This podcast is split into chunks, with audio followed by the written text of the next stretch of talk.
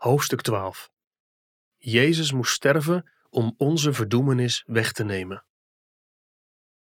Wie is het die verdoemt? Christus is het die gestorven is, ja wat meer is, die ook opgewekt is, die ook aan de rechterhand van God is, die ook voor ons pleit. Romeinen 8, vers 34. Het lijden en sterven van Christus loopt op iets geweldigs uit. Dus is er nu geen verdoemenis voor hen die in Christus Jezus zijn, die niet naar het vlees wandelen, maar naar de geest. Romeinen 8, vers 1. In Christus Jezus zijn betekent dat we door het geloof een relatie met Hem hebben. Het geloof in Christus maakt ons zozeer één met Christus dat Zijn dood onze dood wordt en Zijn volmaaktheid onze volmaaktheid.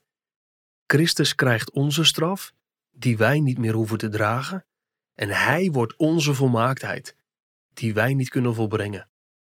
Ons geloof is niet de reden waarom God ons aanneemt. Alleen Christus is de reden. Het geloof maakt ons één met Christus, zodat Zijn rechtvaardigheid als de onze wordt beschouwd. Wij weten dat een mens niet gerechtvaardigd wordt uit de werken van de wet, maar door het geloof in Jezus Christus.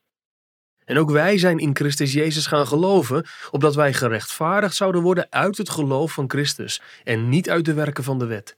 Immers, uit werken van de wet wordt geen vlees gerechtvaardigd. Gelaten 2, vers 16.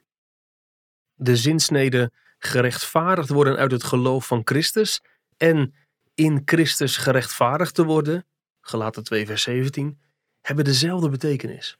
Door het geloof zijn we in Christus en dus gerechtvaardigd. Wie is het die verdoemt, is een retorische vraag. Niemand. En dan volgt de grond waarop dat berust. Christus Jezus is het die gestorven is. De dood van Christus verzekert ons van onze vrijspraak van de straf, van de verdoemenis.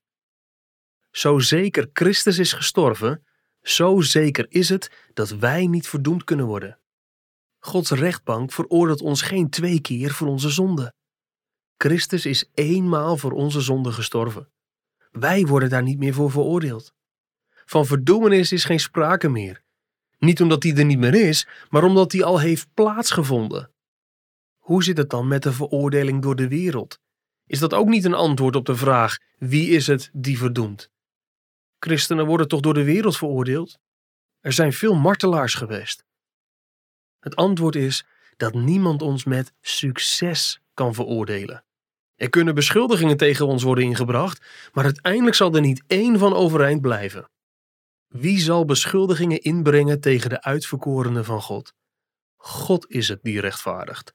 Romeinen 8, vers 33. Kijk in dit verband ook eens naar Romeinen 8, vers 35. Wie zal ons scheiden van de liefde van Christus? Verdrukking of benauwdheid, vervolging of honger of naaktheid, of gevaar of zwaard? Het antwoord is niet dat zulke dingen christenen niet overkomen.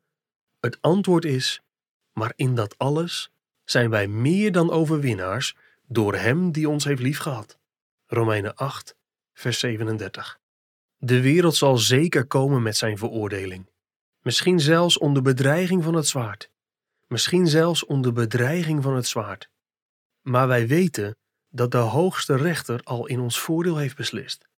Als God voor ons is, wie zal tegen ons zijn? Romeinen 8, vers 31. Niemand zal dat met succes kunnen doen. Als zij ons verwerpen, aanvaardt Hij ons. Als zij ons haten, heeft Hij ons lief. Als ze ons gevangen zetten, zet Hij ons geestelijk in de vrijheid. Als zij ons kwaad doen, loutert Hij ons door het vuur. Als zij ons doden, maakt Hij daarvan een deur naar het paradijs. Ze kunnen ons niet verslaan. Christus is gestorven, Christus is opgestaan. We leven in Hem. In Hem is er geen verdoemenis. Alle zonden zijn ons vergeven en we zijn rechtvaardig. Een rechtvaardige is moedig als een jonge leeuw. Spreuken 28, vers 1.